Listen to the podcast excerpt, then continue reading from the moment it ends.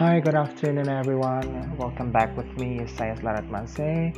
And in today's podcast, like today's podcast is my fourth podcast during my uh, podcast series, and I love to share about the good idea of how to be human.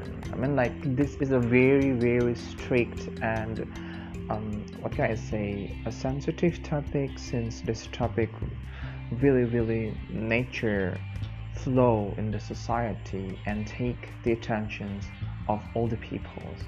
So for me, standing as a human, it doesn't mean that you are reach something only just to fulfill or just to make yourself get satisfied in. But this is also mean that you have to create something brighter uh, and impactful to your society and people who live nearby you. That is the point of standing to be human. Overall, when you got the idea of understanding yourself as a human, you might realize that you are important and when you get know that you are important you know how to bring happiness how to bring positivity to everyone around you.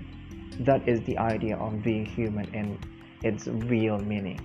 So the sense is you are who you are. You are human as you were created to be human.